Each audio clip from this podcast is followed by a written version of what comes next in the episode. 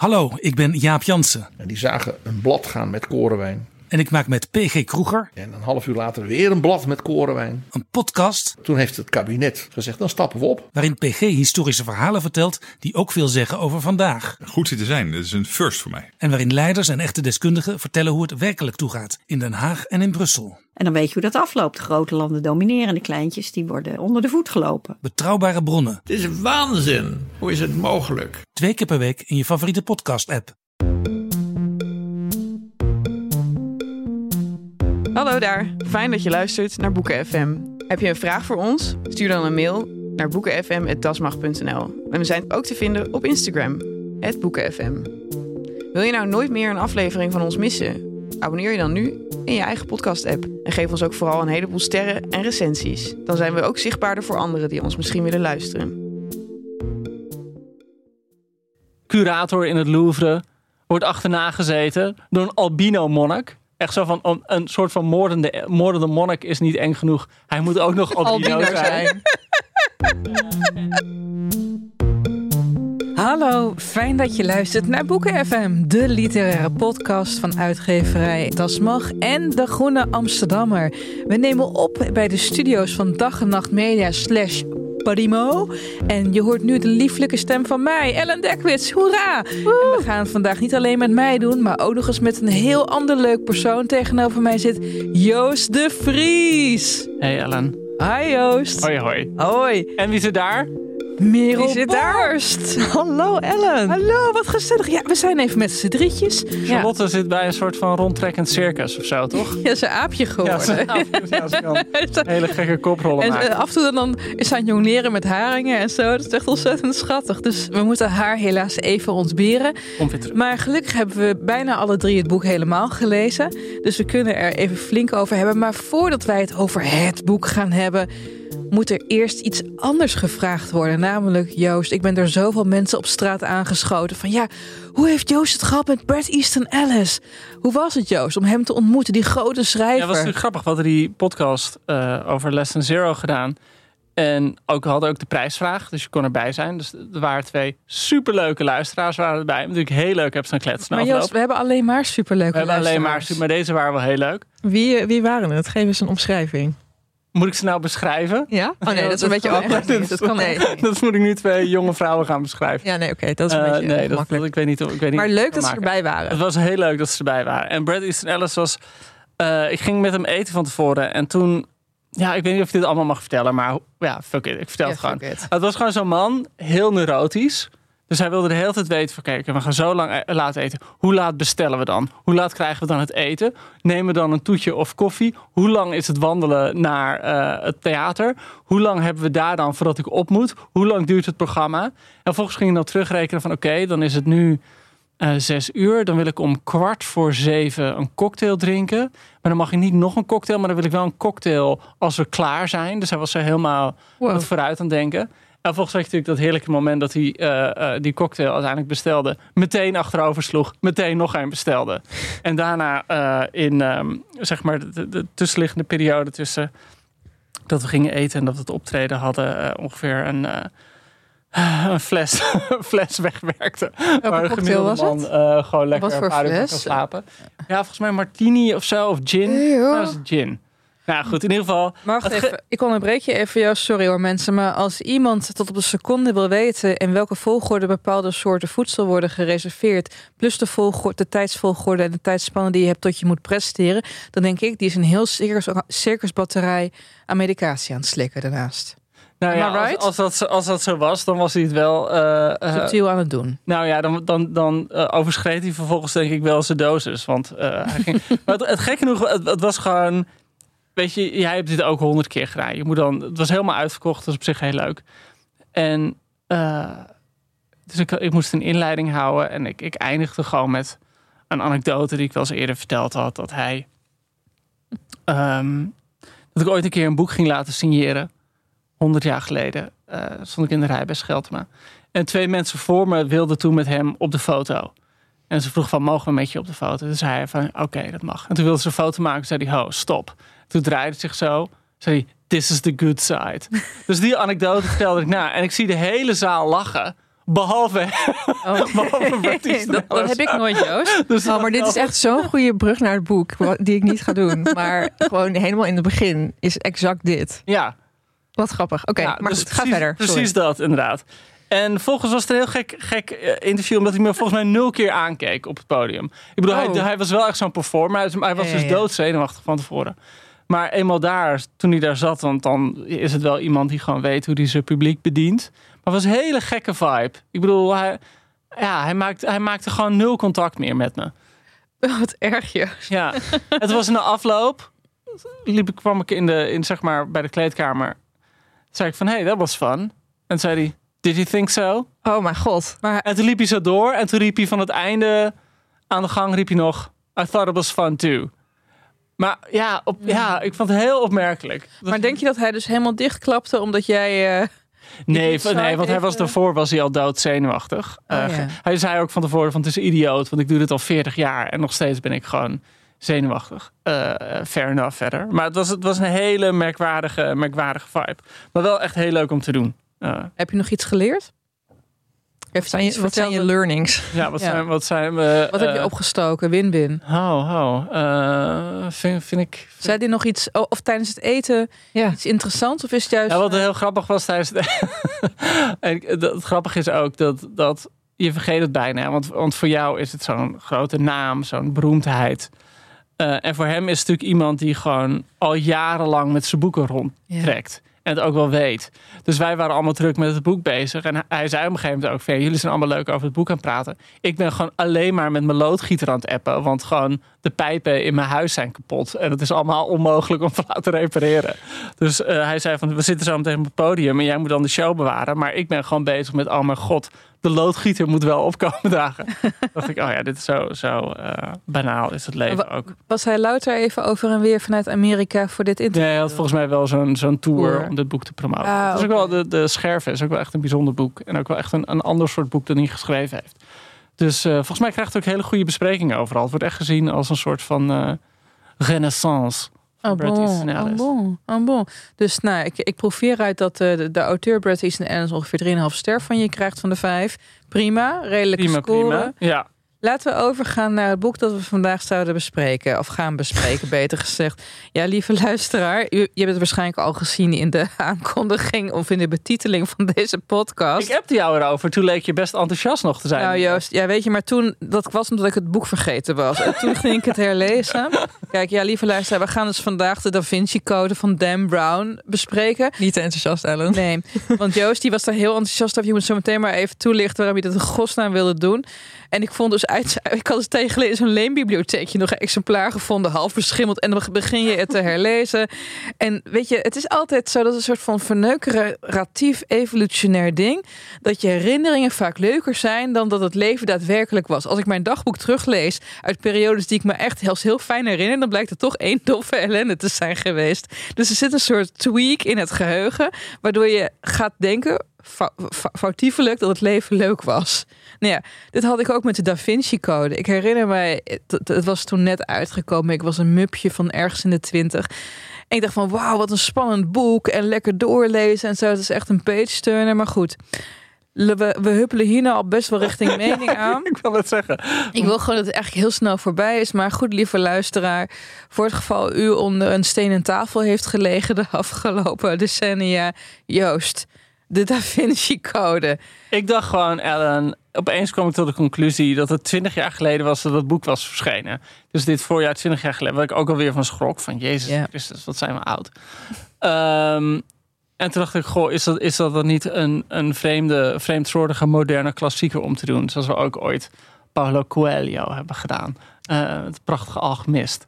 Eh, dus zodoende dacht ik, hey, hey, dit, is, dit is een open kans. Dit is eh, een, een open deur, hoe zeg je dat? Een gouden kans voor Boeken FM. Om gewoon de massa's toe te spreken. En dit boek, van wie er 80 miljoen exemplaren, 80 miljoen Ellen, zijn verkocht. dus ik dacht, ja, why not? Laat, laten we ervoor gaan.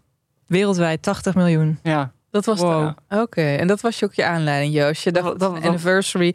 We hadden namelijk ook, het is bijvoorbeeld couperensjaar, Joost. We hadden ook gewoon vandaag Eline Veren kunnen Ik, ik bespreken. heb, ja, als er je had voorgesteld, was het misschien wel gebeurd. Je, het, misschien, misschien gebeurt het nog wel dit jaar. Ja, wie weet, het jaar is nog niet voorbij. Het jaar is nog niet voorbij. Het jaar biedt nog ongelooflijk veel mogelijkheden. Ontzettend veel. Joost, vertel eens eventjes de Da Vinci Code. Eh, de Da Wat Vinci hebben we Code. hier aan onze broek hangen? Ja. Ehm, laat ik het zo zeggen. Merel, Ja, hoe bijbelvast ben jij? niet. Maar kan je, hoe is Jezus aan zijn einde gekomen? Nou, aan het kruis. Hij is gekruisigd Hij is gekruisigd. door de Romeinen. Ja. Fout. Oh, Fout. Merel, damn? Joost. Merel, fout. Weet je wat er gebeurd is met Christus? Ze Nou, hebben hem gekruisigd, maar toen hebben ze hem eraf gehaald. Hij leefde nog. oh, Hij ging met Maria Magdalena, zijn girl, ja. ging hij naar Frankrijk. Hebben ze kinderen gekregen. Die kinderen zijn een dynastie eh, geworden. De Merovingiaanse dynastie. En die dynastie is op een gegeven moment ondergronds gegaan. En ze zijn altijd verder gegaan. En de bloedlijn van Christus leeft nog steeds op dit moment. En op een dag zal die bloedlijn zich openbaren. En dan zal de wereld een nieuwe macht kennen. Damn. Ja, ja, dat is de Da Vinci Code.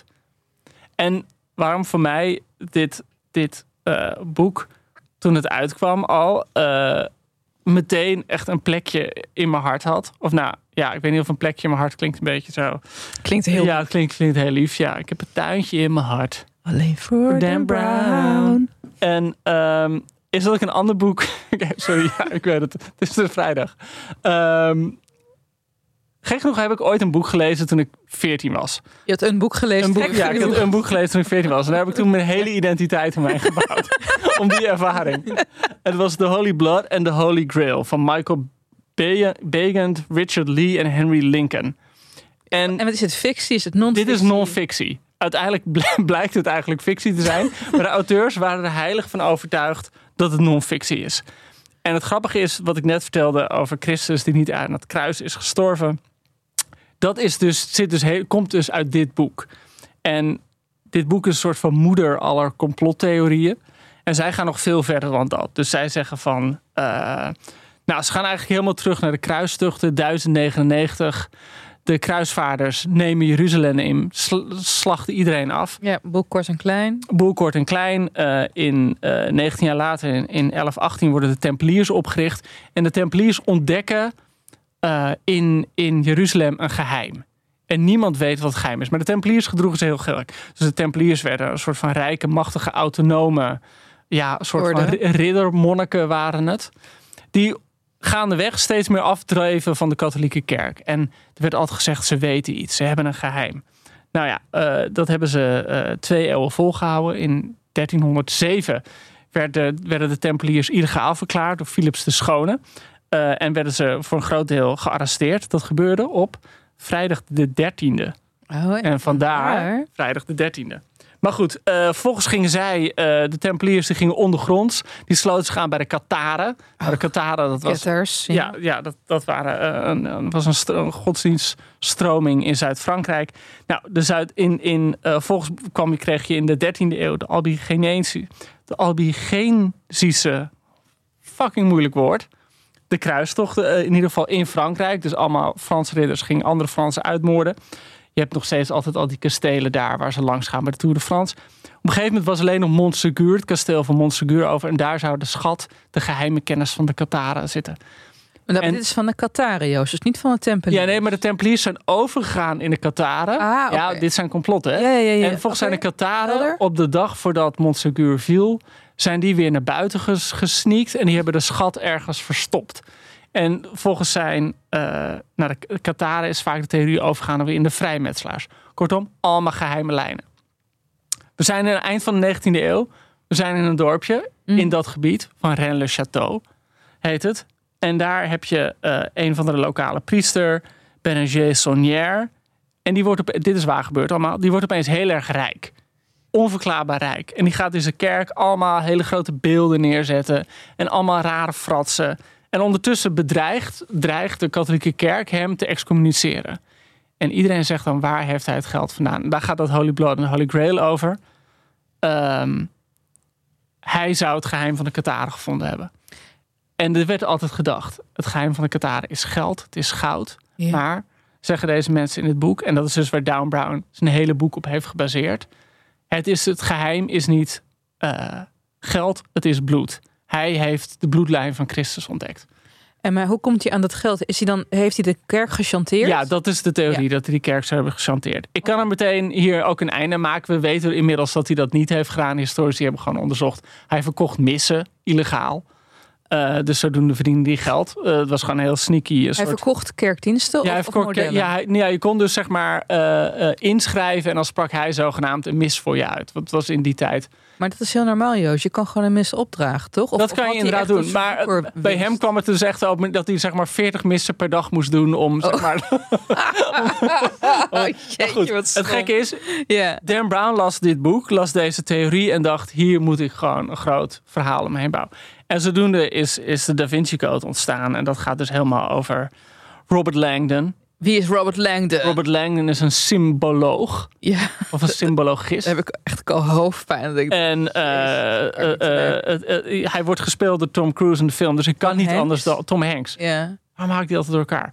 Hij wordt gespeeld door Tom Hanks. En zodoende kan ik, als ik het boek lees, niemand anders meer voor me zien dan Tom Hanks met een beetje een matje. ja, Stom Hanks. Dat is Tom Hanks. Ehm, ik, ja.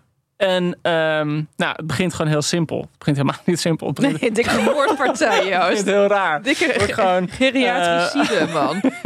het begint er gewoon mee dat een eh, ehm, eh, dat eh, Jacques Saunière eh, en eh, net had ik het over die, die priester in Rennes-le-Château, die heette Bérenger Saunière.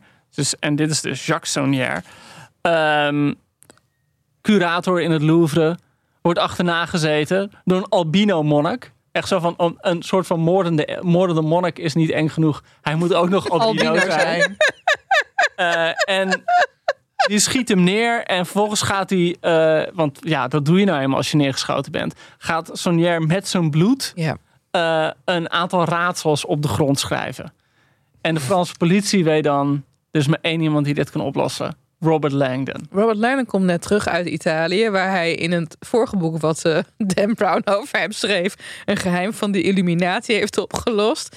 En hij arriveert in het Louvre en hij ziet meteen een aantal dingen. Allereerst dat deze oude afgeslachte opa in de houding ligt van de, zeg ik het goed, Vitruvius man? Ja, dus dat Ja? is die bekende tekening van ehm Leonardo da Vinci. Da Vinci van zo'n man met zijn armen zo uitgestoken. Precies.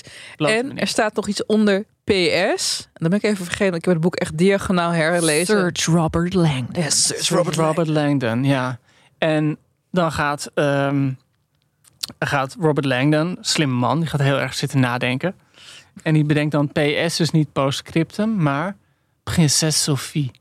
Ja, nee, maar dit weet Robert Langdon nog niet. Nee, oké, oké, maar dat, daar, daar, daar komt hij wel Dat op heeft uit. hij later. Want wie Sonier is, bedacht. wie is Sophie? Zij werkt voor de politie. En zij is de kleindochter van deze afgeslachte pensioengerechtigde. Ja, zij is de een crypto. cryptoloog van de politie. Zou de politie Amsterdam ook allerlei cryptologen in dienst hebben, denken jullie?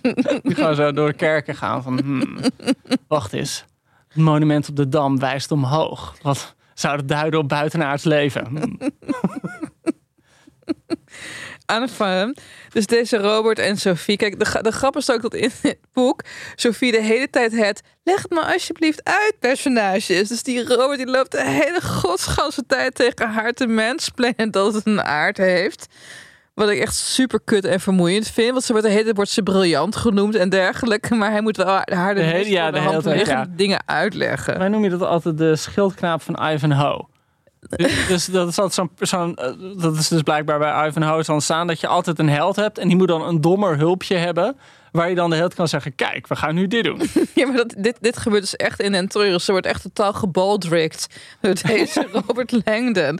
Nou Ja. goed, en fan, ze komen achter een aantal cryptische raadsels, anagrammen die ze moeten op. Het is eigenlijk gewoon één grote rebus, dit boek, weet je wel. Ze Mijn puzzelhart gaat hier echt sneller van kloppen. Ja, hè? dat is, dat is natuurlijk jouw branche. Hoe was het voor jou eigenlijk om dit, om dit want jij, zit er nu middenin dus we gaan kijken of middenin. Jullie zeiden, we gaan de Da in. Vinci Code lezen. En Ja. toen dacht ik, oké, eh, ik was bij mijn vader. Dus ik ben in alle boekenkasten op zoek gegaan naar het boek. En dat bleek een de geïllustreerde editie te zijn die mijn vader in de kast heeft staan. Ehm, wel echt heel mooi. hele mooie uitgegeven. uitgegeven inderdaad ja. Loodzwaar. ja. Ehm, ja, en ik vind het heerlijk. Ik Ja? smul Ja? ervan. Het is inderdaad, stond op de flap, ehm, het schoolvoorbeeld van een page-turner. Nou, dat is het dus echt. Ja. Ehm, ik vind de puzzeltjes en de Ja, want je moet, je moet je voorstellen, eh, je krijgt de hele tijd schilderijen in die editie Ja. die jij hebt. Die heel mooi is trouwens. Er staan de schilderijen ook in. En dan bij alles ziet Robert Langdon met zijn amazing skills... ziet hij de raadsels in verstopt en hints. Ja, ja, want het begint eigenlijk, wat ik heel, zelf heel leuk vind... is dat Sonnière dus met bloed uh, een pentagram op zijn buik uh, schildert. As you do. En, uh, ja, as you ja, do. gewoon, als je er een albino met afgeknald. Ja. En met een UV-stift dingen op de grond schrijft en zo. En hij is ook nog naar andere schilderijen geweest en zo. Nou, dat. en hij heeft de tekst op de grond geschreven. En dat, moet je, dan, nou ja, dat, dat moet je als lezer dan gaan ontcijferen, maar al heel snel krijg je het antwoord. Um, dus het is eigenlijk continu een soort puzzeltje, oplossing, puzzeltje, oplossing. Ja, ja, ja. En ik vind dat gewoon heel erg leuk. Um, het is eigenlijk een soort overdosis informatie zonder dat je iets hoeft op te slaan. Dus voor mij is het een soort Netflix, maar dan in een boek. En ja, ik, uh, ik vreet het. Ja, dus je hebt dat bekende voorbeeld van het laatste avondmaal. Mm -hmm. En dan zegt hij van ja, in het boek. En als je dan goed kijkt, dan zie je dat de personages zijn opgesteld als een M. En dat kan betekenen marry of marriage, uh, marriage. Ah. Uh, en tegelijkertijd de persoon die naast, um, die naast Christus zit, die ziet er wel heel erg uit als een vrouw. Dus was het niet. Uh, in plaats van zijn, zijn discipelen was het niet. Maria Magdalena die naast hem zat. En dat schilderij is gemaakt door Da Vinci. Dus Ja. vandaar ook de Da Vinci Code. Ja, allemaal Vinci hints Code. in zijn werk. Want hij kon het niet gewoon opschrijven. Hints, hints, hints. Die man was een briljant eh, schrijver van, van, van versleutelde berichten trouwens. Hij kon ook in spiegelschrift schrijven en alles. Maar hij vond het nodig om een heel schilderij op te zetten. waar je dan twee jaar over deed. Om dan de letter M, om de Ja, letter M te kunnen spellen. En hij was briljant. Ja, was wel echt heel briljant. En op een gegeven moment dan, de, politie gaat achter ze aan, want ze denken dat hij de moordenaar is van Sonier, terwijl het de albino monnik is. De albino monnik krijg je af en toe ook over te lezen. Die wordt aangestuurd door iemand die hij de vader noemt. En eh, hij denkt van ik moet dit allemaal doen om, om de kerk te beschermen, want het verhaal van de heilige graal mag niet aan het licht komen. Eh, dan vluchten ze naar, ehm, eh, naar ergens in de provincie, ergens op het platteland, eh, naar, hoe heet die, Sir Lee Teabing. Ja, god ja. Hele goede naam. En wat leuk is aan Lee Teabing, Sir Lee Teabing, is dat een anagram is van Begant en Lee, wat dan weer die auteurs zijn van Holy Blood en The Holy Grail. Dus ook een conspiracy Ja. theory buiten de conspiracy Ja, theory. helemaal. Want zij hebben hem later hebben ze hem ook aangeklaagd. Van hallo, alles wat je in het boek zegt, komt uit ons, uit ons boek. Eh, daar hebben ze geen gelijk in gekregen trouwens. Eh, en die Lee Teabing, ja, hebben jullie die film gezien van de Da Vinci Code? Ja, maar ook weer heel snel Lang geleden. hoor. Wat daar heel grappig in is, is dat hij wordt gespeeld door eh, Ian McKellen. Eh, beter bekend als Gandalf. You shall not pass! Ehm, Magneto. hele goede acteur. En die speelt echt op zijn allerslechtste in de film. Speelt echt gewoon... Waarom? Dat je denkt van woensdagavond amateurtoneel is er niks bij. Ehm, Maar waarom, dat waarom, was dus waarom omdat hij, eh eh Ian McKellen, die las dat script, vertelde ik later. En toen dacht hij, dit is zo idioot. Hier ga ik gewoon mijn best niet eens voor doen. dus dat was heel, heel, heel merkwaardig om te zien. En goed, nou, die, die geeft ze dan weer hints. En die dan blijkt dan weer kwaadaardig te zijn. Dus die zet een pistool op hun hoofd en zegt... je moet nu deze puzzel oplossen, anders schiet ik. Nou, en dan moeten ze van, eh, lossen ze die puzzel op. Mijn natte droom. Ja, dit is wel echt. Is, is dit. is dit hoe we je echt eh, goed op streek krijgen? Gewoon. Merel, nu! Deze puzzel nu! Die Sudoku nu! Ja, echt hoor. Dan gelijk weg. Ja, nee, eh, logisch. En. ehm nou ja, volgens gaan ze naar allemaal andere mooie plekken. Naar Roslin in Schotland. En eh, ze gaan naar eh, Westminster Abbey. En overal zijn clues Hints. en hints verstopt. Newton, Ja, Alexander Pope. iedereen uit de wereldgeschiedenis Oh, eh, blijkt betrokken te zijn bij dit complot. En ehm, wat heel grappig is, en nou, dat staat niet in het boek, maar, en dat staat dus ook niet in Holy Blood en Holy Grail. Zij geloven dat er, en daar begint het boek ook mee, hè, dat Robert Brown begint als een boek en dan staat er op de eerste pagina feit Ja. met hoofdletters. Eh, of staat er jou uitgegaan of niet? Jawel, waar staat het? Oh ja, feiten. Feiten. De priorij van Sion, een geheim genootschap dat in 1099 is opgericht, is een werkelijk bestaande organisatie. In 1975 ontdekte de Parijse Bibliothèque Nationale perkamenten, les dossiers secrets, waar talrijke reden- leden van de priorij van Sion worden genoemd, onder wie Sir Isaac Newton, Botticelli, Victor Hugo en Leonardo da Vinci. Hier is een heel grappig verhaal over. Je had een meneer, en die heette Pierre Plantard. Ehm, en dat was een beetje een rare man. Dat was gewoon zo'n man die. Als hij nu gelezen zou hebben, zou hij bij Forum zitten. Hij droomde gewoon van een soort van nationalistisch Frankrijk. En hij droomde van een soort. Eigenlijk had hij ridder willen zijn, maar hij had zijn roeping gemist. Of had eigenlijk zijn, zijn tijd gemist. En het was ook zo'n man die altijd streken uithielde. En een beetje mensen probeerde op te lichten. En toen dacht hij op een gegeven moment van... Goh, hoe kan ik nou ridder zijn? Toen dacht hij, ja, ik kan ridder worden door mijn eigen ridderorde op te richten. En die bedacht toen de priorij van Sion. Maar toen dacht hij, ja, kijk, als ik nu in... eh, je hebt het zeg maar over eind jaren 40 of zo inmiddels. Ja, als ik dan mijn eigen ridderorde ga beginnen... Ja, dat klinkt niet een ridderorde die in de jaren 40 is opgericht. Dus wat is er toen gedaan? Toen is hij naar het eh, Nationale Archief van Frankrijk gegaan. En in het, het is heel moeilijk om iets uit een archief te stelen, want dat wordt gewoon gecontroleerd. Maar het is heel makkelijk om iets mee te nemen naar het archief. Dus hij heeft gewoon met koffie, heeft hij allemaal papiertjes, heeft hij oud zitten maken. en daar heeft hij van die lijsten opgeschreven over. Nee, nee, nee, echt? heeft hij een dossier gecreëerd, dat heette Le Dossier Secret. Dat heeft hij daar gewoon neergelegd. gewoon zitten wachten tot iemand het vond. En eh, eh, zo is het dus gegaan. En zo is dus, eh, zo is die, ik noemde dat boek van Holy Blood de Holy Grail. Die auteurs hebben dat dossier gevonden en dachten, ah, die, liepen door, door de bibliotheek en die zagen een, een mapje waarop stond geheim. Dachten ze, oh mijn god, dit moeten we hebben. Hier zat iets geheims in. En dat was natuurlijk heel bizar, want dat boek van Holy Blood de Holy Grail, ja, het zijn allemaal van die heerlijke verhalen. Het kwam uit in 81, geloof ik, zoiets. Of in 82, zie ik. En Het is ook echt zo'n Stephen King-achtige omslag. ja, het heeft zo'n Stephen King-achtige omslag. En eh, dat was gewoon bizar, want die Pierre Plantard wist niet dat dat boek kwam. Opeens was dat boek een bestseller. En je dacht, oh mijn god, de- deze mensen Mongolen. hebben alles geloofd wat ik heb opgeschreven. Plus, zij hebben dan ook nog eens, want dat zat niet bij die, wat die Pierre Plantard had bedacht. Ook nog eens dat hele verhaal over de bloedlijn van Christus. Dus die man zat dat te lezen en die dacht gewoon, de wereld is gek geworden. Eh, maar ja, goed, hij had de wereld ingefluisterd. Dus dat, ja, dat is een heerlijk, eh, ja, dat is eigenlijk een roman op zich bijna. Jemig Joost, maar oké, laten we even teruggaan naar, oh, naar die roman zelf. Of hebben we eerst even een vraag waar ik veel meer zin in heb dan deze roman? Een vraag. Nou, je zult blij worden van deze vraag. Oh? Hij is namelijk getiteld Ga vooral zo door. Oh, Van Frank. Frank. Beste Ellen, Merel, Charlotte, Joost en eventuele anderen die ik vergeet. Oh, al een paar Dat ben weken. jij toch? Wat? Noemde je wel. Sorry. Ja, Ik snap als wel. derde. Als derde, Oh, nee, als sorry. tweede zelfs. Ik dacht dat jij veel onder andere die ik vergeet. Sorry. Sorry Merel. Al een paar weken luister ik naar jullie podcast. Naar oude en nieuwe afleveringen, soms wel drie achter elkaar. Het is een ontdekking voor me, een groot plezier. Daarom wil ik jullie bedanken en aanmoedigen om vooral zo door te gaan. Oh, Misschien ter toelichting. Jullie format is naar mijn idee ideaal. Door het format maken jullie zichtbaar wat een boek met jullie heeft gedaan.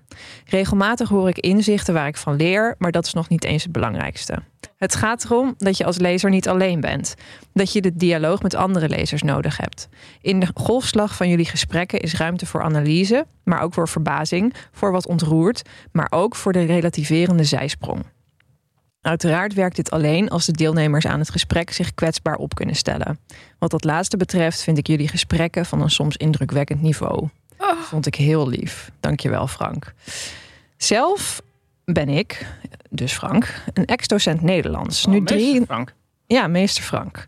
Nu, ik had een meester Frank op de basisschool. Grappig. Nu 63 en al jaren niet meer zo gezond. Oud genoeg om, al is het er nooit van gekomen, Joost en Ellen als leerlingen te kunnen meemaken. En om met terugwerkende kracht nieuwsgierig te vragen: wat lazen jullie destijds? ah. Over welke boeken spraken jullie tijdens je mondelingen examen? Welke schrijvers hebben jullie meegenomen?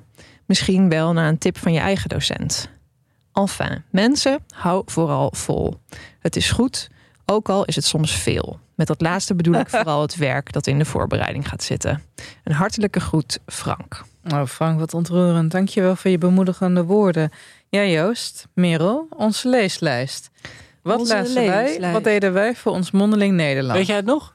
Ja, deels. Kijk, ik moet even bijzeggen. In mijn eindexamenjaar was ik de allerergste leerling ooit. Kijk, mijn moeder ging toen ik tien was Nederlands studeren en ik overhoorde haar. Dus je kon mij echt niks vertellen. Ik was een vreselijke Ja, ja, ja. leerling. Weet je, ik was, ik was Hermelien Griffel plus plus plus. Mathilda. Ik was Mathilda. En ik spijbelde dus in mijn eindexamenjaar alleen maar van Nederlands. en op de ochtend dat ik mijn, of op de middag dat ik mijn mondeling had moeten doen, dacht ik van, oh ja, ik moet eigenlijk wel mijn leeslijst inleveren. Dus die man had zich helemaal niet kunnen voorbereiden. Ik had in die ochtend bij hem in zijn bakje, in zijn postvakje, de literatuurlijst gedaan. Ik ook maar lukraak wel, want ik las knijter veel in die tijd. Maar ik had helemaal niet nagedacht over compositie. Dat ik had gewoon wat dingen opgeflikkerd, zoals ja, de ontdekking van de hemel. Eh, ik had een vriendschap van Connie had ik erop staan. Ik had het verzameld werk van J.C. Bloem, Façades had ik erop gezet. Het verzameld werk van Anton Koolhaas, die schreef fantastische dierenverhalen. Goed, ik moet eens kijken. Natuurlijk, af en toe gewoon even om. om we hadden de binocle besproken met de klas van Louis Couperus. Dus die gooide ik er ook nog maar tussendoor. Maar het was een hele grote lijst die een man nooit had kunnen voorbereiden. Dus ik kwam aan bij mijn mondeling. En hij zei: Ja, weet je, ik heb je het hele jaar niet gezien. ik zei: Sorry. En ja, je hebt nu al anderhalf punt aftrek. Want ja, je, je, je, reageert nergens op, je, je leeft hem te laat in. Dus we beginnen nu met een mondeling. Ik dacht, nou ja, oké, prima, het kan mij het ook schelen. Want ik had voor de schoolonderzoek allemaal negens gehaald. En toen zei hij na afloop, je hebt een 8,5, ga maar. Ik zo, toch jammer. dus, eh, en volgens mij is hij ook al lang overleden, maar bij deze excuses. Want ik geef zelf nu ook les. Het is gewoon zo'n kut om zo'n leerling te hebben. Maar eh, nee, ik Ja, helemaal omdat het een leerling is die dus wel leest. En aan wie eigenlijk... dat is eigenlijk heel frustrerend. dat is het frustrerende. Eigenlijk was jij de ideale leerling geweest. Ik was echt de droom. Maar ik moet wel zeggen, kijk, ik had ook niet zo'n klik met deze man. Maar met de leraren Nederlands die ik daarvoor had, die vond ik echt fantastisch. Ik, ik had eh, mevrouw Korteweg, meneer Visser. Shout-out als jullie luisteren. En daar kon ik na de les gewoon lekker mee kletsen. En meneer Visser, die komt nu nog naar mij optreden. Stuur mijn boeken nog steeds op. Maar ik kom met die laatste tussen Nederlands. Ja, dat werd niet. Ik, ik was ook een hele jaar stoned trouwens hoor. Ik ontdekte toen eh, dat, dat wiet een soort van... eh, ja, kan werken als een antidepressivum. Daarna besefte ik dat je misschien beter antidepressi- antidepressiva kan gaan gebruiken in plaats van cannabis. Maar dat was mijn grootste eindexamenjaar. Dus ehm Connie Palme, wat ik net zei, Connie Palme, Harry Mulisch. Ik had, volgens mij heb ik- had ik ook nog iets van Hermans op mijn lijst gezet. En heel veel poëzie. Hans Lardijs Piet Paal, die zat ik op de lijst. Ik had ook, mijn lijst was ook te groot. I, I exceeded de hoeveelheid boeken. Joost, je kijkt me heel intens Ah, aan. Van, misschien Zo. van, wil je... Go! Go. Ehm, ik had op mijn lijst met ja, verven op één de ontdekking van de hemel. Oh, echt, Merel? Ja, Ik ik was echt verliefd op dit boek. En waarom? Omdat er zo ontzettend veel symboliek in zit. Dat ik zo zat. Oh, Ja, oké. Op pagina 450 staat dit. En dan kan ik dat dan. Oh ja, en als ik dat dan omkeer, dan kom ik eigenlijk op pagina 50 uit. En dan, ja, dan zie je, dan is het weer een extra Merel, thematica symbool. Ja, dan heb je al die namen die dan palingdromen zijn. En Yeah. Onno en Ada. En, eh, Ja, ik heb echt alles, alles uitgeplozen. Dat ik ook echt wist dat ik. Ik weet nog dat ik de avond ervoor toch ook nog heel laat nog allemaal dingen zat op te schrijven. En een soort van. Ja, ik hield echt van dat boek. Eh, dus daar heb ik toen zeer enthousiast over verteld. En eh, met de twee hele blije docenten tegenover me. En Oh. ik had ook nog eh, Noodlot Oh ja, van Couperus. Vond ik echt verschrikkelijk. Wat? Dus ja, ik vond het echt heel erg gewoon super depri en stom. Dus dat heb ik ook gezegd. En dat vonden ze eigenlijk wel leuk. Dat ik dat niet zo leuk vond. Zo prachtig geschreven. Ja, ik vond het echt helemaal niks. Oké, dat kan. Dat kan. En toen eh, een paar dagen, denk ik, later. nee, Ik kwam je zo op school en dan hing er zo'n lijst, weet je wel, met de cijfers. Oh, de cijfers, ja. Toen kwam er iemand naar, je, naar me toe. Ik had het nog niet gezien. Die zei, ja, eh, gefeliciteerd. Ik zei, met wat? Ja, met je cijfer. Had ik een tien. Nice. Oh, wacht even. Maar, eventjes, want kijk, jij had een 8,5 Ja, met had anderhalf. Ja. Dus En- had 10. Ik had ook een 10. Oh, Dus wij hebben gewoon, we hebben gewoon drie tien hier. Echt? Echt? En ik weet nog dat wij moesten lezen voor eh, je mondeling. Moest je, ik weet niet meer hoeveel punten, maar er was een boekje of een stencil en daar stonden alle boeken in de bibliotheek, in de schoolbibliotheek op. eh, met punten. En eh, dus één was heel Oh. makkelijk en vijf was dan het moeilijkst. Dus vijf was het maximale. Behalve de ontdekking van de hemel, die was zeven. Dus ik was natuurlijk dan wel zo'n mannetje die dan meteen denkt: oké, dat boek moet ik Let's dus hebben. go. Dus dat ging toen, eh, ging toen voor. En toen weet ik nog dat ik. En gek genoeg waren docenten Nederlands heel vaak mijn favoriete docenten. Ja. Dus ik had Wil Hansen en juffrouw Weltevreden. Dat vond ik echt een ongelooflijk leuke vrouw. En meneer Blank. meneer Blank was denk ik de eerste homo die ik kende in mijn leven. Dat was heel grappig. Want dan ging ik altijd, dan moest ik iets doen. Eh, en die zat ons altijd heel erg te pesten. Want wij waren natuurlijk allemaal van die, van die zogenaamd stoere jongens. En dan, dan moest ik iets bij zijn bureau. Dan zei hij, Joost, kom maar even hier. En dan ging ik naar het bureau toe. En zei ze tegen je, ga maar weer terug. En doe maar eventjes de groetjes aan Marcel. Marcel. Weet je, gewoon altijd gewoon dat soort mindgames. en eh, dus gek genoeg had ik heel veel leuke docenten Nederlands. En, maar ik weet wel nog dat ik die, dat mondeling ging doen. En dat ik toen echt klaar voor zat. Van oké, ontdekken van de hemel, here we go. Mhm. Dus die docent vroeg van nou, waar gaat ontdekken van de hemel over? Dus ik begon zo los te barsten. Zoals we en toen na 30 seconden zei hij, oké, stop maar. Je hebt het gelezen, het is goed. Ik hou niet van Mulisch, we gaan het over iets anders. Echt? Ja. En toen hebben we het volgens mij heel lang gehad over, ehm, over eh, Kaplan van Leon de Winter. Dat vond ik een heel tof boek. Ja. Heel vreemd, of vreemd, eh, heel vrijgevochten boek. Het gekke is dat, ja, nee, ik, ik weet nog dat ik echt helemaal weg was van Kaplan. Ook Hoflands, Hofmans Honger. Honger, heb ik gelezen. Dus ik, volgens mij had ik veel van Leon de Winter op mijn lijst staan. En wat, wat het voor mij ook grappig was, is dat de avond voor mijn mondeling hadden we een heel heftig feest. Met allemaal, dus gewoon twintig minuten voor mijn examen Ja. was ik letterlijk aan het kotsen op school. Omdat ik gewoon zo dronken was. Dus ik zat daar bij mijn mondeling gewoon aan het zweten. Classy. Zo'n zure mond. Oh. En toen weet ik ook nog dat ik... ehm, eh, toen was het geweest. Ze zei meteen van, nou, je hebt een tien. Eh, dus nou, prima, die incasseerde ik. En toen liep ik eh, zo het lokaal uit. En toen werd ik door een juf haar lokaal binnengeroepen. Van een docenten. En dat was een 6 VWO-klas. En heel veel van die andere scholieren in de klas waren op dat examenfeest geweest. En er was één jongen, volgens mij heette die Jeroen Altena, die was vermist. Dus gewoon het Oh, feest was gewoon geweest, weet ik het, ergens in Lange Dijk. En die lag gewoon ergens In een dronken, sloot. gewoon in de bosjes uit te slapen of zo. en toen vroeg die docenten van, hey Joost, waar is Jeroen? En toen zei, toen zei ik, oh ja, ik heb hem wel nog gezien op het feest. En toen vroeg ze aan me, ja, maar was hij wel co- coherent? En toen opeens dacht ik, kut, ik weet niet wat coherent betekent. En weet, ik weet nog dat ik zo in Oh. die klas stond, Oh ja. dat alle ogen op mij gericht waren. En dat ik toen voor mezelf moest gaan bedenken wat coherent betekende. En ik zei van, nou ja, volgens mij was hij wel dat hij zijn zin ook nog kon maken. Dus toen opeens dacht ik van, volgens mij heb ik het nog goed ook. Op basis van het feit dat zij op een normale manier reageerde daarop. Ja, dat was heel, heel Maar tevreden even, Dus begrijp ik dit goed, Joost? Dus, dus van de drie mensen die hier zitten, we hebben alle drie een tien gehaald. Maar- En allemaal ook hele leuke. En allemaal ontdekt dat helemaal echt en hele eentje leuke heeft dus dronken zijn mond niet gedaan en de ander stoned. Ja. Ja, ik was gewoon nuchter hoor, jongens. Oké, nou Oh, je prima. was weer helemaal... Jij bent de andere generatie. Jij gelooft in superfoods en zo. Ja, Nee. met zo'n acai-bol. Ja. Ik was ook wel, ik was ook wel stiekem aan het blowen op de middelbare school, maar niet, Nee, tijdens, oh. mijn, eh, niet tijdens mijn mondeling. Oh. Maar ik had wel echt ook hele leuke docenten. Dus even een shout-out naar meneer Koops. Oh, het was echt Ja. leuke tijd.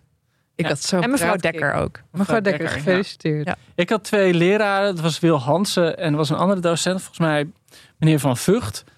Dit heb ik wel eens eerder verteld, volgens mij, in de podcast. Die eh deelde een... De twee lokalen waren naast elkaar. Dus die stonden altijd tussen de, tussen de lessen door met elkaar te kletsen. En die deden een spelletje dat de ene dan een beginzin zei van een boek. En dan moest de ander raden welk boek het was. Of ze deden een eindzin. En dus die waren elkaar de hele dag aan het overhoren over... Ja, op zo'n spelende manier over Nederlandse literatuur. En ik dacht dat dat normaal was. Dat dat gewoon is hoe volwassenen met elkaar omgaan. Ja, Bleek niet zo te zijn. Eh was eh, een grote deceptie natuurlijk voor me.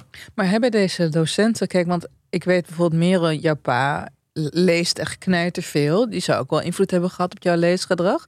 Of hebben die docenten Nederlands ook daadwerkelijk bijgedragen aan... eh, Ja, ik denk wel voor de, de fascinatie ervoor. Ik weet nog dat we een keer, en ik weet niet meer welk boek het was, maar dat we zo in de klas, het ging, was weer, eh, ja, gewoon iets gingen duiden uit een boek of zo. Het, ging over treinen, over gele treinen in het landschap. En dat dat dan ook een vergelijking met slangen kon zijn. En dat dat dan ergens anders in het boek weer opdook. En dat had ik me nooit gerealiseerd. Dat, dat er ook zoveel En toen dacht jij, oh, puzzels. ja, Puzzels. ah. maar ook gewoon intertextualiteit. En ehm, ja, op die manier had ik nooit over boeken gepraat. En ik merk dat ik daar heel enthousiast van werd. Maar het moeilijke is natuurlijk, want ik weet ook wel van... op een gegeven moment gingen wij met de klas twee vrouwen formules lezen. En dat is ook zo'n boek waar allerlei verwijzingen naar de oudheid in zitten. En naar de, de Griekse mythe vooral. Ehm, dat ook heel veel mensen daar helemaal op afknapten. Omdat die gewoon dachten, totaal. dat boek gewoon lezen. Het, het, het- Ja. intertextualiteit, ja, who cares, weet je wel? En, Ja. en dat is natuurlijk altijd een beetje het moeilijke. Dat, dat als je een boek verkeerd... ah, of alleen maar uitlegt als in van... dit boek is belangrijk, want het verwijst naar... eh, Nee, ja, tuurlijk. Dat, dat, Orpheus en weet je wel, ja, Ja. Dat, dat maakt het ook een beetje dood. ja. Of klinisch. Maar, maar om even op de vraag terug te komen, Joost. Ben jij echt beïnvloed nog door jouw docenten Nederlands? Ook om echt een veellezer te worden? Ja, ik had ook een paar hele leuke docenten Engels. Ja, Oh want ja. precies. Want mijn, mijn docenten Engels, ik ben gewoon dat bij... Shout-out naar meneer en mevrouw Maaswinkel en mevrouw Hoedeman en meneer Ja, meneer Leijten. Van Balen en meneer Van Hallo, Riksel. shout-out, shout-out. Die, eh, die zeiden op een gegeven moment van... nou, we gaan met z'n allen Ira Levin lezen, Kiss Before Dying. Weet je, was derde Ja. klas. En we gaan jullie uitleggen wat nou ja, symboliek is, getallenleer... wat de intertextualiteiten zijn met de Bijbel. Het was fucking interessant, maar ze gingen ook heel erg op plot zitten. Waarom werkt dit boek? Waarom wil je doorlezen? Eigenlijk precies wat we met deze kutroman van Dan Brown eigenlijk ook net zeiden. Waarom is het een page-turner? Dus Ja. ook, daardoor kreeg ik ook echt respect voor het plotten van een werk. Heel Nee, en het is wel, het is wel interessant. In de Groen hebben we nu een aantal reeks gehad over leesonderwijs op middelbare scholen en middelbare scholen. Eh, maar ook op pabo's. En, en dat, dat is in die zin zorgelijk dat ook op pabo's de studenten steeds minder lezen. Mhm. En het- kijk, het punt is, het- het- de tegenstrijdigheid die erin zit, is dat een docent kan jou niet aan het lezen krijgen. Maar een docent kan jou wel het gevoel geven dat, of weet je, een docent kan je niet aan één boek helpen. Je kan niet tegen iemand, je moet dit lezen, dit is geweldig. Dat werkt niet. Maar een docent kan je wel het gevoel geven dat lezen bijzonder is. En dat je ontdekkingen gaat doen. En dat het bij een bredere cultuur hoort. En ehm, dat, is, dat is denk ik wel heel belangrijk iets dat je... En ik denk wel dat de docenten bij mij deden. Dat ze, dat ze me dat gevoel wel meegaven. Ja, ik kreeg wel het idee dat er lifehacks in stonden.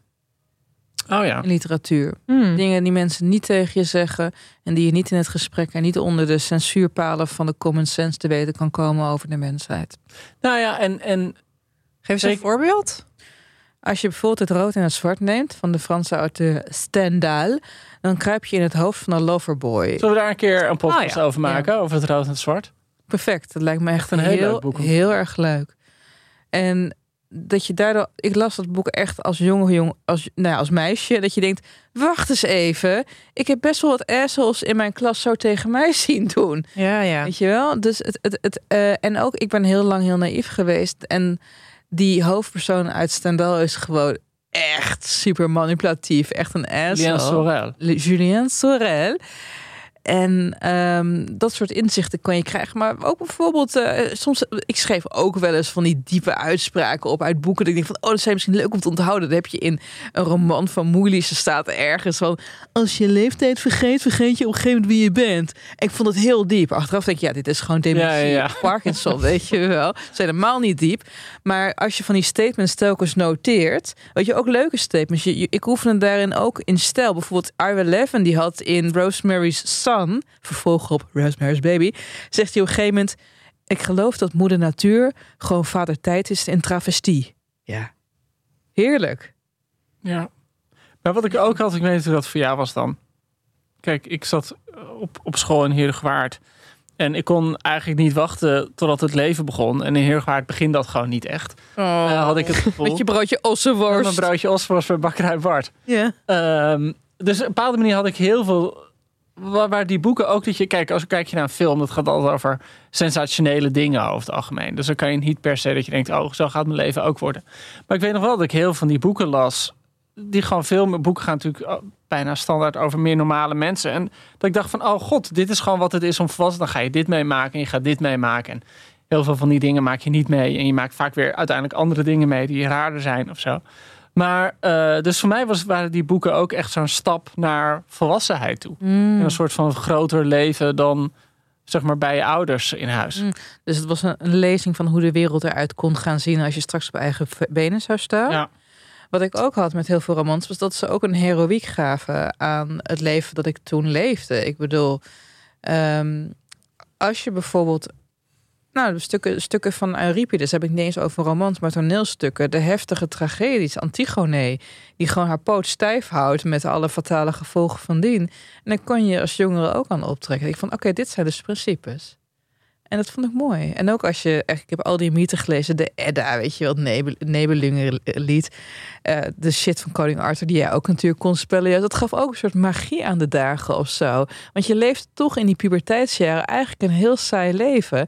En dan was het heel fijn om je af en toe in een boek in een para parallele dimensie te begeven, waarin er wel iets meer op het spel leek te staan. Nou ja, wat je denk ik ook heel erg hebt. Kijk, in dat debat dat er is over hoe krijg je scholieren aan het lezen en hoe hou je ze aan het lezen zijn natuurlijk heel veel mensen die zeggen: oké, je moet boeken uitzoeken die aansluiten bij de leefwereld van de scholieren zelf. Nee. En oké, voor sommige mensen zal het werken. Maar ik vond het juist ontzettend uitdagend. Nou, zie je ontdekking van de hemel.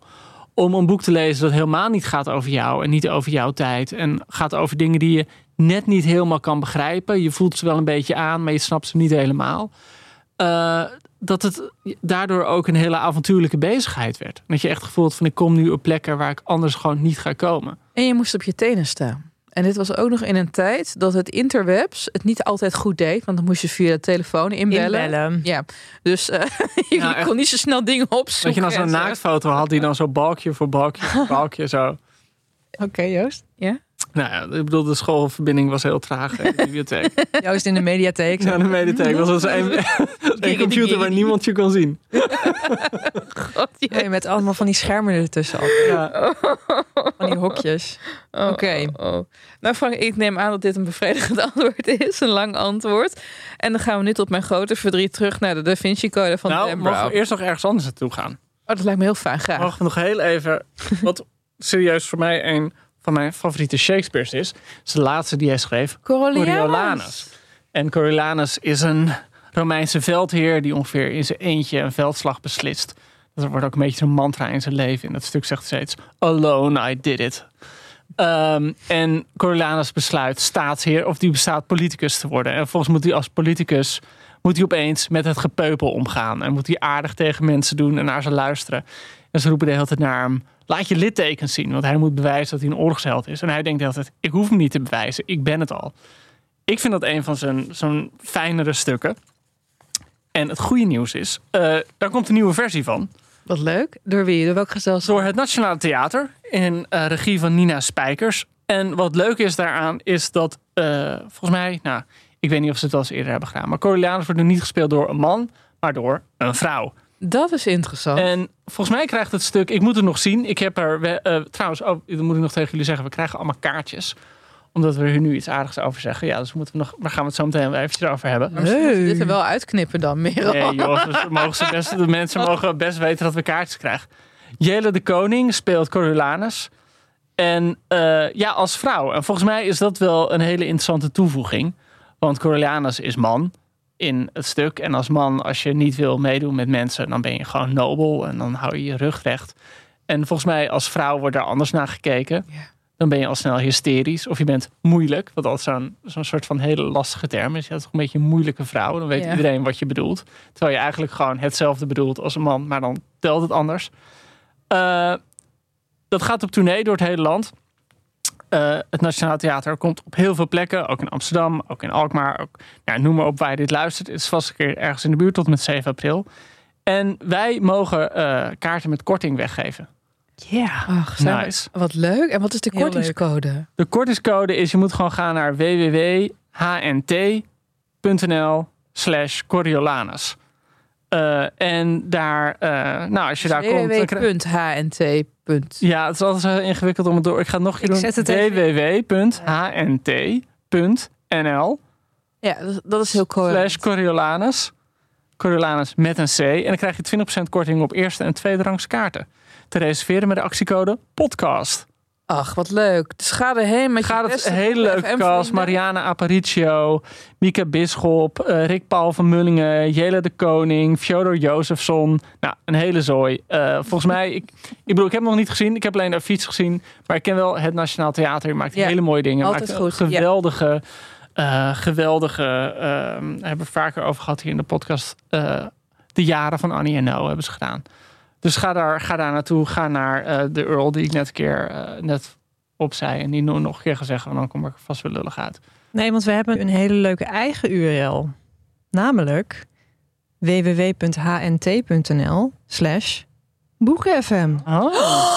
Oh. Dat is leuk. En dan kun je Oh. gewoon daar naartoe. oh ja, dat is waar ik nu net overheen lees. Sorry. Geen probleem. Jongens, dit is weer Min anderhalve punt voor Joost. Ja, Ben je nu dronken, Joost? ik ben, ik ben nu, ik heb ook net weer gekotst van tevoren. En als je nou helemaal in de war bent en je wilt nog even eh, naluisteren of nalezen, ik zet dit allemaal in de eh, omschrijving van de aflevering neer. Dus dan kun je het ook gewoon even rustig terugzoeken. Dankjewel, lieve Merel. Maar Ellen, de Ja. Vinci Code. Ja. 80 miljoen exemplaren verkocht. ja. Eh, verfilmd met Tom Hanks. Groot succes. Ik bedoel, het is niet jouw boek. Het is ook niet mijn boek. Het is, eh, het is geschreven zoals het is geschreven. Het is gewoon een Patreon. Maar waarom heeft nou zo'n verhaal met al die complotten en al die symbolen... waarom haakt dat volgens jou zo aan bij zoveel lezers? Nou ja, omdat complottheorieën het altijd goed doen. Zeker complottheorieën met betrekking tot religie. En eh, Dan Brown heeft de meest veilige religie uitgekozen om een omstreden complottheorie over op het aan papier toe te voegen. Namelijk het christendom. Daar kom je nog vast wel met de meeste dingen weg. Als je iets over de islam of moslims gaat of over hindoes gaat schrijven, dan heb je wat sneller een probleem, denk ik. Dus dat is één. Twee, het is natuurlijk gewoon ja, een beetje controversieel dat Jezus en Maria Magdalena kids krijgen. Ik moet trouwens zeggen, jaren daarvoor schreef Marianne Frederiksson al het boek volgens Maria Magdalena, waarin dat ook, eh, waarin Maria Magdalena de hoofdrol speelt en zelf heel veel seksiteit heeft met Jezus. Oeh, Dus sexy is niet echt een heel erg origineel ding. En het is, kijk, op een gegeven moment hebben ze dus de, de, de kapelaan van Roslyn Chapel, die dus de, de kapel die ook in het boek toekomt, Ja. Die hebben ze geïnterviewd. En die man is ook een Harvard uh, graduate en zo, weet je, net zoals eh, Robert Langdon. En die zei over dit boek: It's brilliantly plotted. It is terribly written. And it's a big pile of rubbish. maar dat eerste, dat klopt wel. Het is heel goed geplot. En ook wat jij net zegt, Merel, je wilt telkens weten van... Hoe los ik dit raadseltje op? En dan heb je ook nog een hele walgelijke ship erin zitten... tussen Langdon en deze Sophie, weet je wel? Zijn conquête Française. Ja. En weet je, er zitten allemaal trucjes in waardoor je het door wil lezen. En ik, ik moet toegeven, toen ik het zelf voor de eerste keer las, ik heb het in een ruk uitgelezen. Maar het is net zoiets als dat ik een, een hele zak bombeerchips leeg eet. Je denkt met elke hap, ja, het is gewoon lucht. En het is heel slecht voor mij. En hier ben ik nooit meer Ik gezond. heb dat met Maltesers. Ja, Oh, Maltesers, heb je ook. ja. Dat is echt zo'n Ja, sade. ja, je hebt Sorry, een, een naar Malteser. gevoel over jezelf als je zo'n zakje Maltesers hebt opgegeven. Ja, Het weegt ook niks. lucht. Nee. Het is gewoon lucht. ja, Ja. ja, fascinerend. Maar goed, ik moet nu ook meteen denken aan luchtig toetje. Je dat? Dat is ook zo heel raar dat je zo'n pak echt gewoon in het zuivelschap en een pak melk weegt gewoon zoals een pak melk en dan had je zo'n luchtig toetje en dat Mooi, ja. en dan zo oppakken Dat is en een dat mooi verhaal. Ja. meteen zit je hoofd boven je hand boven je hoofd omdat het Je- zo je vloog omhoog, je, ja. je kocht eigenlijk gewoon lucht. Maar goed, dat terzijde. Sorry voor deze zuivel intermezzo. Wat ik altijd wel een mooie verklaring vond. Je hebt een heel bijzonder boek. Het heet Voodoo Histories. eh, van David Arontovic, een eh, Engelse journalist. En het gaat eigenlijk over een geschiedenis van complottheorieën. En die geeft een van de dingen die hij zegt waarom we er heel toereikend voor zijn. Of waarom we er graag ons eraan verlustigen. Is dat ehm, evolutionair biologen het volgens hem hebben een, een term hanteren. Voor ons brein. En dat noemen ze het cognitief imperatief wat erop neerkomt dat mensen niet anders kunnen dan oorzaak en gevolg waar te nemen. Dus we zien ergens rook en we denken vuur. Want zo, zo leer je. En dat is hè, de mens leert. Dat is de kenmerkende eigenschap van onze biologische geschiedenis. Maar het gevolg is dat er soms dingen niet te leren zijn. Soms gebeurt er gewoon zomaar iets. En dat we dan als toch heel erg in ons hersenen bevredigd worden als er iemand met een verklaring komt. Ja. Ook al is die verklaring verzonnen. En het is natuurlijk niks fijners dan, eh, al kijk je naar de geschiedenis van, van de laatste 2000 jaar. Zoveel oorlog, zoveel chaos, Joost, zoveel ook al ellende. kijk je naar de geschiedenis van de laatste twee jaar, al die Ja, 20 na corona. Ik bedoel, kom op. Dat, dat het, Ja. Die machteloosheid, die giet Ja. je. Je bedenkt een narratief en je bent niet meer machteloos. Want je had het dan kunnen zien aankomen. Ja. Nee, maar het is, Ja. het is fijner om te geloven zeg maar, dat er een, eh, een kwade koningshuis is. dan dat een populaire prinses toevallig verongelukt Ja. eh, in een tunnel in Parijs. Weet je, het is fijner om die verklaring te horen dan om te horen er is niks. Dus ik, ik denk dat dat heel erg meespeelt. Mag ik nog één, één anekdote wat mij heel erg voor Dan Brown inneemt? Oké. Ja. Je moet voorstellen, Leuk. Dan Brown, een beetje zo'n raar figuur. Eh, eh, Wie is Dan Brown eigenlijk? Dan Brown, ja, een hele elitaire opleiding gedaan aan Philips Exeter Aca- Academy. Dat is zeg maar de duurste kostschool van Amerika. Eh, als je hem ziet, het is echt zo'n Amerikaan met zo'n brede kaak en zo'n kuiltje in, je, in zijn kin waar je je autosleutels in kan bewaren. Eh, wat ik heel grappig vond, is dat hij nadat hij afgestudeerd was, eerst muzikant probeerde te worden met een soort van rare eh synthesizer muziek voor kinderen met allemaal liedjes over over ehm, allemaal liedjes over dieren en zo. Volgens heeft hij eh, een kinderboek of heeft hij een boek geschreven dat heette 127 mannen om te ontwijken. A survival guide for a romantically frustrated woman. Voordat hij zeg maar bij, ehm, Interessant. bij Robert Langdon aankwam. En over Robert Langdon zei hij eh, dat het een, een fictioneel alter ego van hem is. En dat hij zei, dat vind ik best wel, wel lief op een gekke manier, van ja, hij is de man die ik zou willen zijn. Oh. Maar wat ik eigenlijk wilde zeggen, wat mij altijd heel erg voor Dan Brown innam, was een keer een interview in Volkskrant Magazine, volgens mij. eh, waarin hij vertelde dat eh, hij had toen net een aanklacht. Hij was aangeklaagd voor plagiaat bij dit boek. Nou, heeft hij gewonnen en verder is vrijgesproken. Was dat met Holy ja, met dat, dat eh, ja, Holy Grail? Holy Brown, Holy Grail. En de rechter zei van ja, je kan hem niet aanklagen, want deze theorie is al gewoon twintig jaar bekend. Hmm. Dus is eh, vrij voor iedereen. En dus hij had die dag de hele dag in de rechtbank gezeten. Het was een sombere dag. En toen kwam hij s'avonds thuis en toen hing hij gewoon uitgepuft op de bank. En toen zette hij zijn tv aan. En toen zag hij een, een rechtbank met allemaal journalisten. En toen dacht hij, hey, wie is die kale man die ze daar filmen? En toen was hij het zelf. dat hij echt dacht, oh nee, gewoon oud en kaal. Oh, dat is echt het Van- slechtste einde van zo'n dag. Ja, het slechtste einde van de dag. Maar gek genoeg eh, vond hij het dan wel weer relativerend. Maar Hij moest wel om zichzelf lachen en hij moest kalende zichzelf hoofd. lachen. Ja, toen dacht ik, oh ja, Dan Brown. Bent ook maar een mens. Nou, het neemt me wel voor hem in dat hij wat eh, zelfspot heeft. Dat, dat wil ik maar zeggen. Oké, over naar een cijfer. Ja, ik eh, kan nog geen cijfer geven, want ik ben... Het is nog niet uit. Maar tot nu toe, I love it. Oké, Joost, wat... eh, Nou, eh, vergeleken met de wereldliteratuur is het geen wereldliteratuur. Eh, maar als je gewoon van dit soort boeken houdt, dan is dit het boek waar je van houdt. Ja, Page Turner. Dus, Zo, Joost. Puzzel. dus ik, ik geef het een, dus voor wat het is, geef ik het een, eh, een 7. Oké, ik geef het een min 13. Dus Een dan min komen 13? we... Oké, dan komen we Ik heb nog wel een vraag. Oh. Ehm, iemand zei tegen mij, ja, als je dit leuk vindt, maar je vindt het wat te uitleggerig, want dat is dus wel wat ik ervaar. Ehm, Ellen die verstopt zichzelf in haar t-shirt Ja. nu. Ehm, lees dan eens Umberto Eco.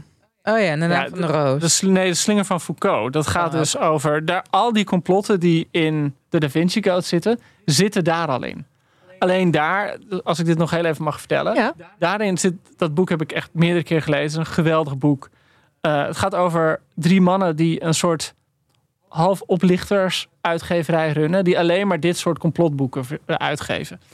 En dan zorgen dat de mensen die de boeken schrijven ook de hele oplage moeten kopen. Dus dat is een soort manier om. Dit is net winst als te met Elschot en Het beetje wereldtijdschrift. Ja. Lijn met been. En eh, daar komen ook allemaal van die mensen die over vrijmetselaars en over de Tempeliers en ook over Rennes Château en willen schrijven.